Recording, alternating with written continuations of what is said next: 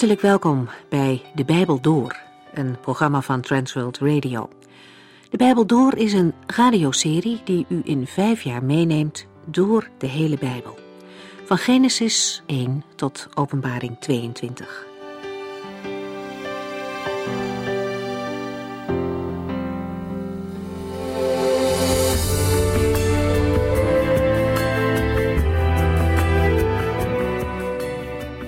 De vorige aflevering begon met Jesaja hoofdstuk 29.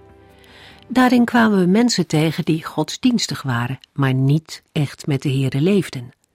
Uiterlijk dienden ze de Heere, alleen hun hart was er niet bij betrokken. Voor de vorm deden ze mee, maar de Heere miste hun liefde. Hij keek dwars door al die uiterlijkheden heen. En als reactie doorbreekt de Heere God de vaste patronen om het hart van zijn volk weer op hem te richten. Jezaja spreekt dan opnieuw een wee uit, deze keer richting de leiders, die plannen buiten de Here ommaken. Het Oude Testament geeft veel voorbeelden van mensen die plannen maken. Denk maar aan de geschiedenissen van Jozua en van David. En telkens weer wordt zichtbaar dat wie zijn plannen aan de Here voorlegt, goed uitkomt. Wie daarentegen buiten God om zijn eigen plannen maakt en uitvoert, merkt me al te vaak dat ze op niets uitlopen. Dit principe geldt nog steeds, zowel voor leidinggevende als voor elke gelovige. Leg uw werk in handen van de Heere, dan zullen uw plannen werkelijkheid worden, staat in spreuken. Het hoofdstuk eindigt echter bemoedigend. Ook al hebben de Israëlieten hun eigen plannen buiten God omgemaakt, ze zullen zich toch weer tot hem richten. De Heere is hen genadig en het volk zal weer oprecht voor de Heere God gaan leven. Jesaja 30 en 31 gaan weer verder met een aantal weeklachten. Vanwege de grote dreiging van de Assyriërs lijkt het alsof Juda niet anders kan dan hulp zoeken bij Egypte. Het is zo begrijpelijk om hulp van mensen te verwachten in allerlei moeilijke situaties. Maar alle mensenhulp die buiten de Heer omgaat, zal niet helpen. Natuurlijk kan de Heer ook via mensen hulp bieden. Hij doet dat ook vaak. Maar waar het op aankomt is dat we de Heere vertrouwen en Hem niet buitenspel zetten. Ondanks het feit dat het volk de Heere niet zoekt, blijft de Heere God zijn volk uitdagen en uitnodigen om Hem wel te vertrouwen. We lezen nu verder vanaf Jesaja 32.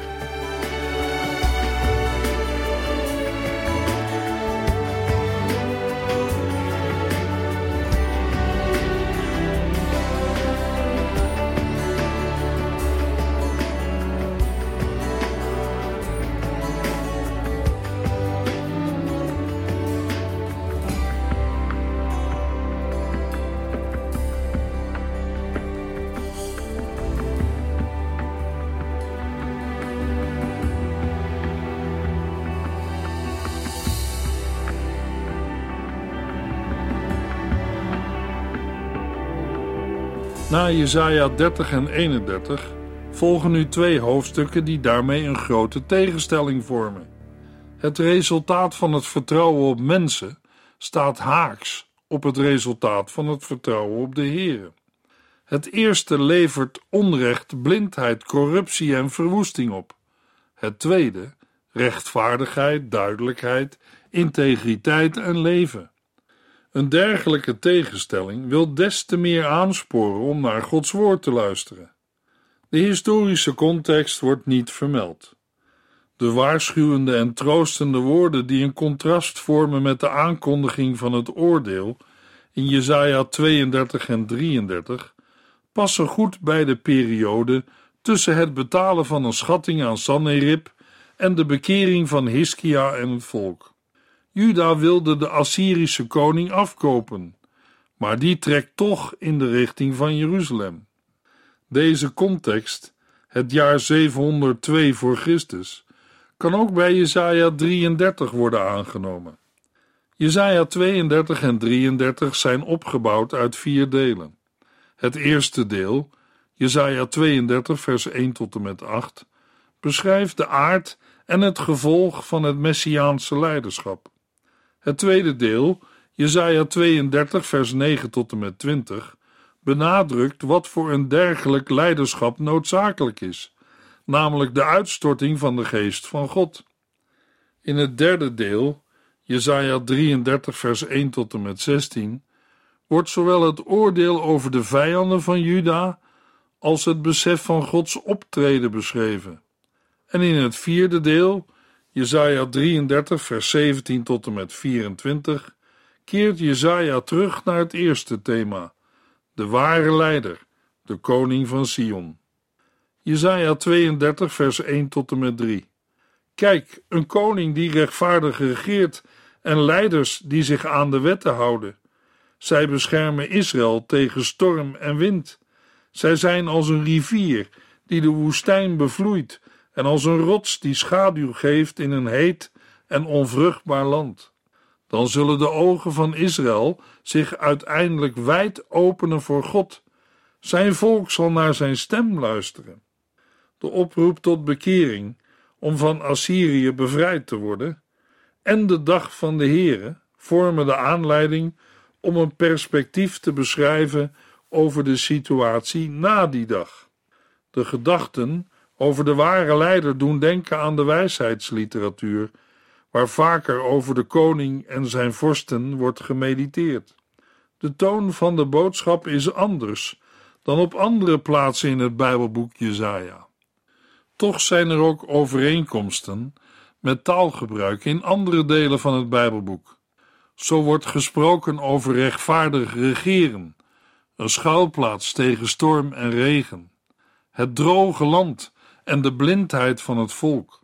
Met name de blindheid wordt in vers 3 aangehaald en blijkt dat de blindheid van het volk niet definitief zal zijn.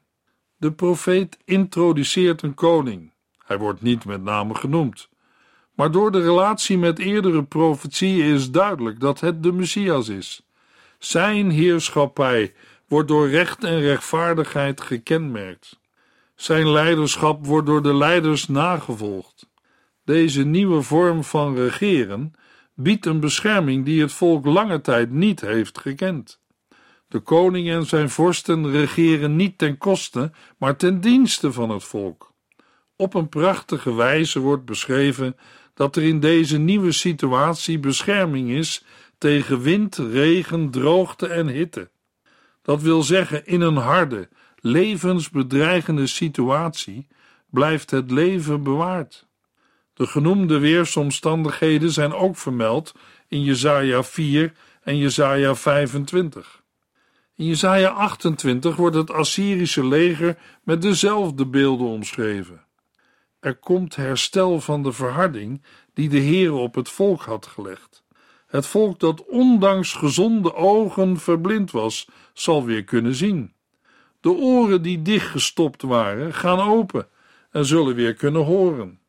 Het gaat bij deze woorden om zicht op God en het luisteren naar en gehoor geven aan zijn woord. Want het juiste inzicht en de ware kennis worden alleen bij de Heere gevonden. De harde woorden van Jesaja 6 en Jesaja 29 worden nu herroepen. Nadat het oordeel is uitgevoerd, wordt de weg naar de Heere geopend. Jesaja 32 vers 4 Zelfs de heethoofden zullen vol gevoel en begrip zijn, en zij die stotteren van onzekerheid zullen zich duidelijk uitspreken. De stotteraars zijn geen mensen die vanwege hun fysieke oorzaak moeite hebben met spreken, maar de leiders die vanwege hun dronkenschap niet uit hun woorden konden komen. Ook bij hen is er verandering.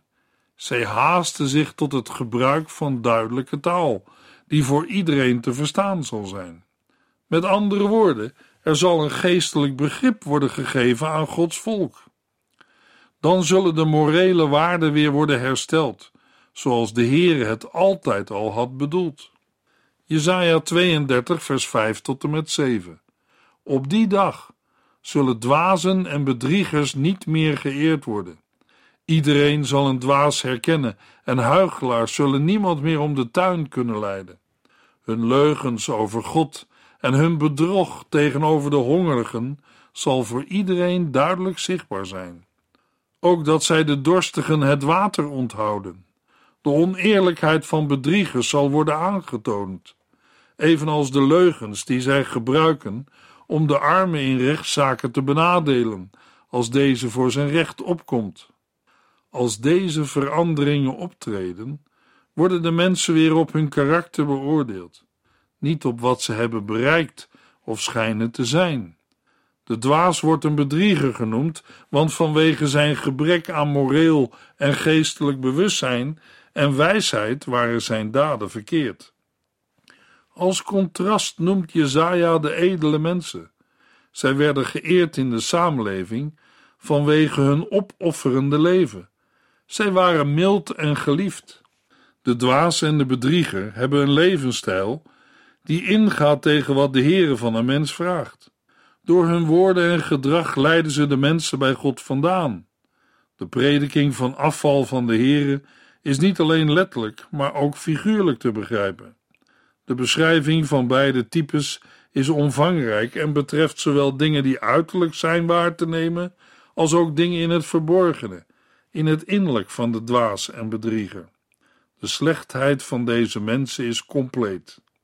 Jesaja 32 vers 8 Maar edele mensen zullen edele daden willen doen en daarin volharden. Voor de andere categorie is maar één woord op zijn plaats: edel. De edele denkt en doet wat edel is. De edele wordt in het Oude Testament beschreven als iemand die vrijwillig de Heere dient. Het woord kan zowel op gewone mensen als op hooggeplaatsten en mensen van aanzien betrekking hebben. In ieder geval zijn het rechtvaardigen. Daarom vormen ze een schril contrast met de dwaas. Jezaja noemt geen leiders bij name, maar zijn gehoor zal hun houding hebben herkend. Jezaja 32 vers 9 en 10 Luister, vrouwen die lui rondhangen in zorgeloze rust. Luister naar mij. Binnenkort, over iets meer dan een jaar, zult u zich plotseling zorgen gaan maken, want de wijnoogst en de fruitoogst zullen mislukken. In twee parallelle zinnen roept Jezaja de vrouwen van Jeruzalem op naar hem te luisteren. Hij noemt hen zorgeloos en vol vertrouwen, maar de gedachte is dat hun zorgeloosheid en hun vertrouwen misplaatst zijn. Jezaja heeft een boodschap voor hen. Hebben de vrouwen te gemakkelijk vertrouwd op de raadsheren aan het hof die een alliantie met Egypte als oplossing zagen voor de dreiging van Assyrië? De zorgen zullen niet uitblijven en het vertrouwen zal misplaatst blijken, want over ruim een jaar zal het oordeel komen. Als de wijnoogst uitblijft en de inzameling van de oogst niet zal plaatsvinden, maken rust en vertrouwen plaats voor huivering. De oogst is waarschijnlijk de fruitoogst aan het einde van het oogstseizoen. Het is een van de meest vreugdevolle festiviteiten van de Joodse kalender. Maar het is juist die vreugde die zal verdwijnen. De oorzaak voor het missen van de oogst wordt niet genoemd. Mogelijk is de veldtocht van Sanherib de oorzaak. In dat geval wordt de oogst geroofd en is het onmogelijk te zaaien voor het volgende jaar. In Jesaja 32, vers 11 tot en met 15 worden de vrouwen van het gemakkelijke leven opgeroepen te beven. Zij die vol vertrouwen zijn, moeten sidderen van angst. Zij moeten rouwen. Volgens de gebruiken van die tijd ging het rouwen gepaard met het uittrekken van bovenkleding en het aantrekken van een rouwgewaad. Er moet gerouwd worden om de rijkdom die verdwijnt. Het land zal verlaten liggen. De oogst is verleden tijd. En dorens en distels, tekenen van verlatenheid bij uitstek, overwoekeren het land. Zelfs de huizen en de stad, waar eens zoveel blijdschap was. Het wordt verlaten en stil in het paleis, in de stad en bij de uitkijktorens. De stilte in het paleis wijst op de afwezigheid van de koning. De afwezigheid van de koning wijst op de achteruitgang van Jeruzalem en Juda. De stad wordt ontvolkt. Er valt niets meer te verdedigen. Daar waar nu nog uitkijktorens staan, grazen ezels en geiten. Alles beeldt de verlatenheid van de stad uit. De verwoesting is er voor een lange tijd, maar er blijkt toch een einde aan te komen. Vanaf vers 15 wordt een grote wending beschreven, totdat tenslotte de geest vanuit de hoge over ons wordt uitgegoten. Dan wordt de woestijn tot een boomgaard en die tot een ware lusthof. Niet door eigen kracht komt de verandering tot stand, maar door de kracht van de geest vanuit de hoge, die zal worden uitgestort. De woorden vanuit de hoge wijzen op de oorsprong van de Heilige Geest, namelijk de hemel. We lazen in vers 15 dat de geest vanuit de hoge over ons wordt uitgegoten. Ons is in dit verband Juda en brengt het tegenovergestelde van hetgeen een geest van diepe slaap had gebracht, namelijk de heerschappij van God. Die heerschappij heeft grote gevolgen voor de schepping. De woestijn die droog en verlaten was, wordt een boomgaard en die groeit uit tot een ware lusthof. Mogelijk wordt hiermee, net als in Jesaja 29 vers 17, gewezen op de machtsverhoudingen die volledig worden omgekeerd. Het gaat om het herstel van hetgeen door de mens werd vernietigd. Jesaja 32 vers 16 tot en met 20. In de woestijn zal het recht wonen en daardoor zal er vrede zijn. Rust en vertrouwen zullen dan voor eeuwig regeren. Mijn volk zal in veiligheid leven, ongestoord wonen. In het bos is het koel en uw stad ligt laag in de vlakte. U bent gelukkig en rijk gezegend, als u zaait op de oevers en u uw vee in groene weiden laat grazen. De geest brengt ook een morele verandering, zodat er recht en gerechtigheid zullen zijn. Daarmee wordt de geest van de Messias in herinnering gebracht. Het recht beperkt zich niet tot een deel van het land, maar is overal waar mensen wonen. De gevolgen worden concreet beschreven met begrippen als vrede, rust en blijvende veiligheid. Het contrast met het voorgaande is groot. In vers 18 wordt een nieuwe en blijvende situatie getekend van rust en veiligheid voor mijn volk. Deze rust is niet door mensen bewerkt, maar door de Heilige Geest. Ondanks het dreigende oordeel eindigt Jezaja toch met een bemoedigende zegen. Maar is deze belofte en zegen van de Heere al vervuld? De terugkeer naar Juda uit de ballingschap lijkt iets van een vervulling in zich te dragen. Hetzelfde kan gezegd worden over de komst van de Heilige Geest met Pinkster in de tijd van het Nieuwe Testament. Toch is de volheid van de vrede nog geen werkelijkheid en mag worden verwacht dat die zal komen bij het aanbreken van het volmaakte koninkrijk van God.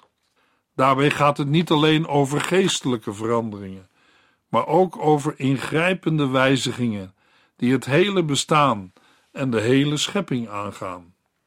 Jesaja 33 vers 1 Wee u, verrader, alles om u heen hebt u verwoest, maar niet uzelf. U verwacht van anderen dat ze hun belofte aan u houden, terwijl u hen wel bedriegt.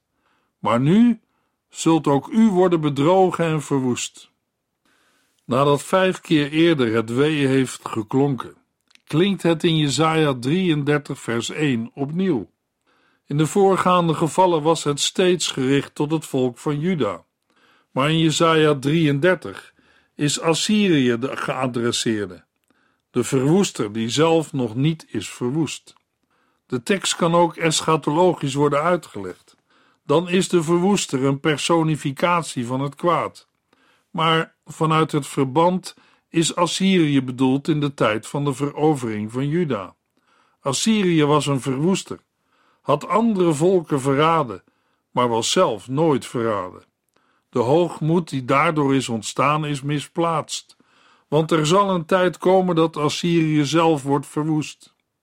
Indirect komt het vertrouwde thema weer naar voren dat de mens nooit absolute macht heeft. Het is de Heere die de grenzen van de macht van Assyrië heeft bepaald. Deze aankondiging van de verwoesting van de vijand heeft in de eerste plaats tot doel Juda te bemoedigen. Jesaja 33 vers 2 Maar wilt u, Heer, ons genadig zijn? Want we hebben onze hoop op u gevestigd. Wees elke dag onze sterkte en onze redding in moeilijke tijden. Juda roept om genade en verklaart: Wij hebben onze hoop op u gevestigd. Een houding die haak staat op de houding die in Jesaja 28 tot en met 30 werd beschreven en die het oordeel tot gevolg had. Nu het volk vertrouwen in de Here uitspreekt, is het oordeel er voor de vijand van Juda. Er is besef dat eigen kracht onvoldoende is voor verlossing. In de versen 3 tot en met 6 getuigt Juda dat volken wegvluchten onder de daverende stem van de Heere. Hij hoeft maar op te staan en alle volken trekken zich terug. Van de buit die het machtige leger van de Assyriërs had verzameld, zal het niet genieten. Die buit zal door anderen worden geroofd. Het is te vergelijken met een rijke oogst die door een zwerm sprinkhanen wordt opgevreten. Daarom jubelt Jezaja het in vers 5 uit. De Heer is zeer machtig.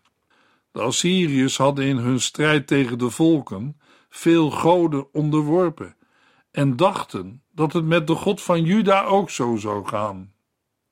Maar de Heer is niet te vernederen. Zijn macht is niet beperkt tot een bepaald gebied, maar hij bestuurt alles vanuit de hemel. Hij stort vanuit de hemel zijn geest uit en overlaat Jeruzalem met recht en gerechtigheid. Daardoor komt er een einde aan onrecht en wantrouwen. Het ontzag voor de Heer is de schat van Juda. Het gaat elke andere schat of oorlogsbuit te boven. Jesaja 33 vers 7 en 8 Uw gezanten huilen van bittere teleurstelling, want de vredesregeling is verworpen. Uw wegen zijn verlaten en er zijn geen reizigers meer. Het vredesverdrag is verbroken en zij bekommeren zich niet om de beloften die zij in het bijzijn van getuigen hebben gedaan. Ze hebben voor niemand respect. De gezanten, waarbij mogelijk aan diplomaten moet worden gedacht, huilen, want ook zij hebben hun doel niet bereikt.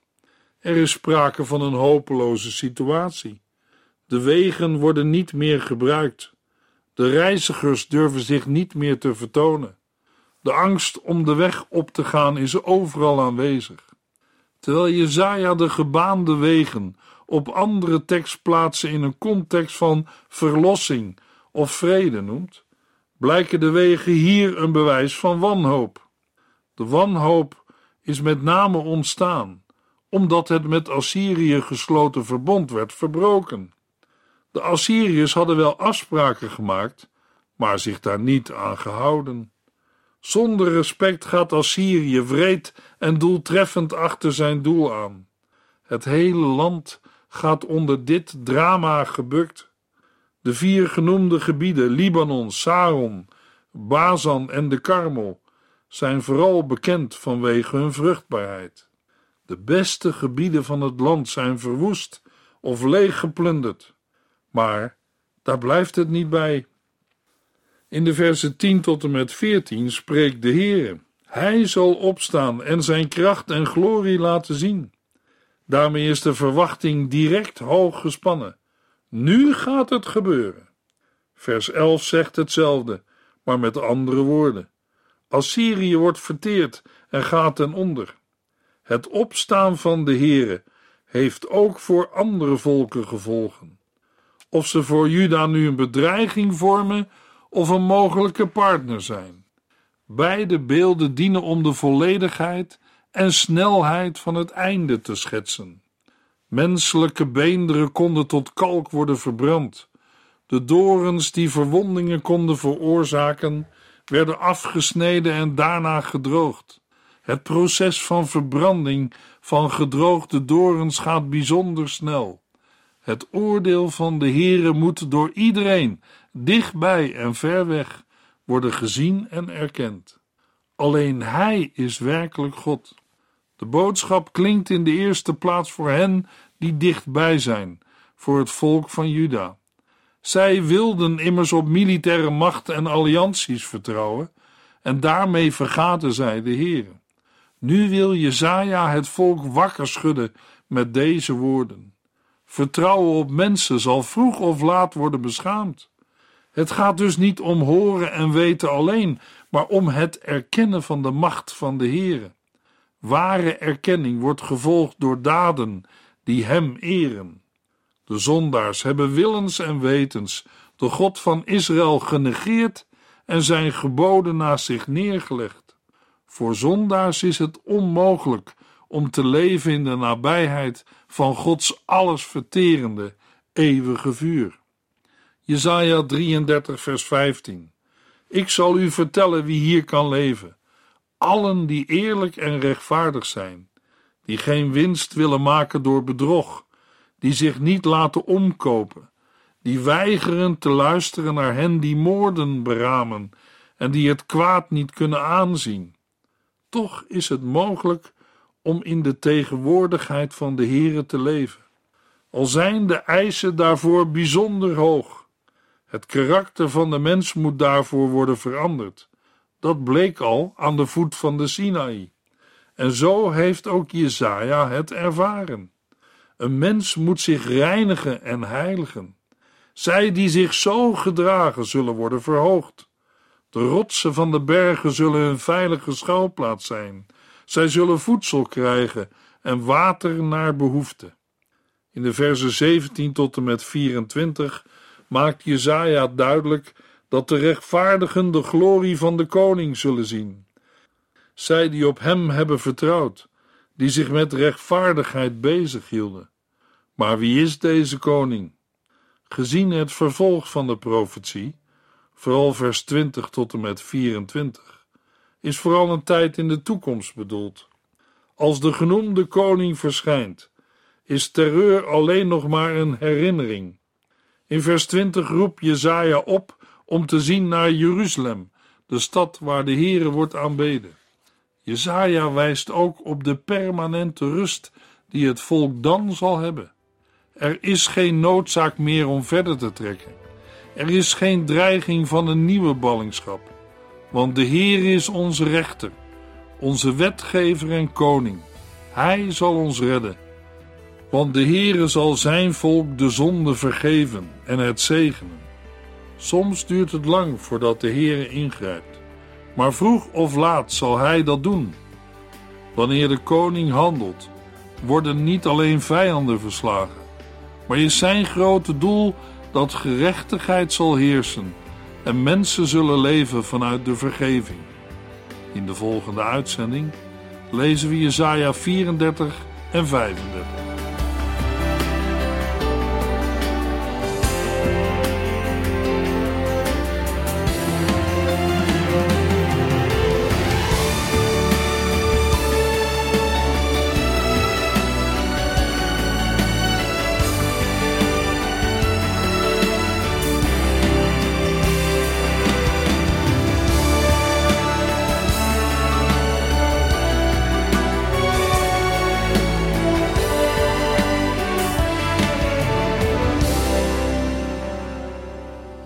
Heeft geluisterd naar De Bijbel Door.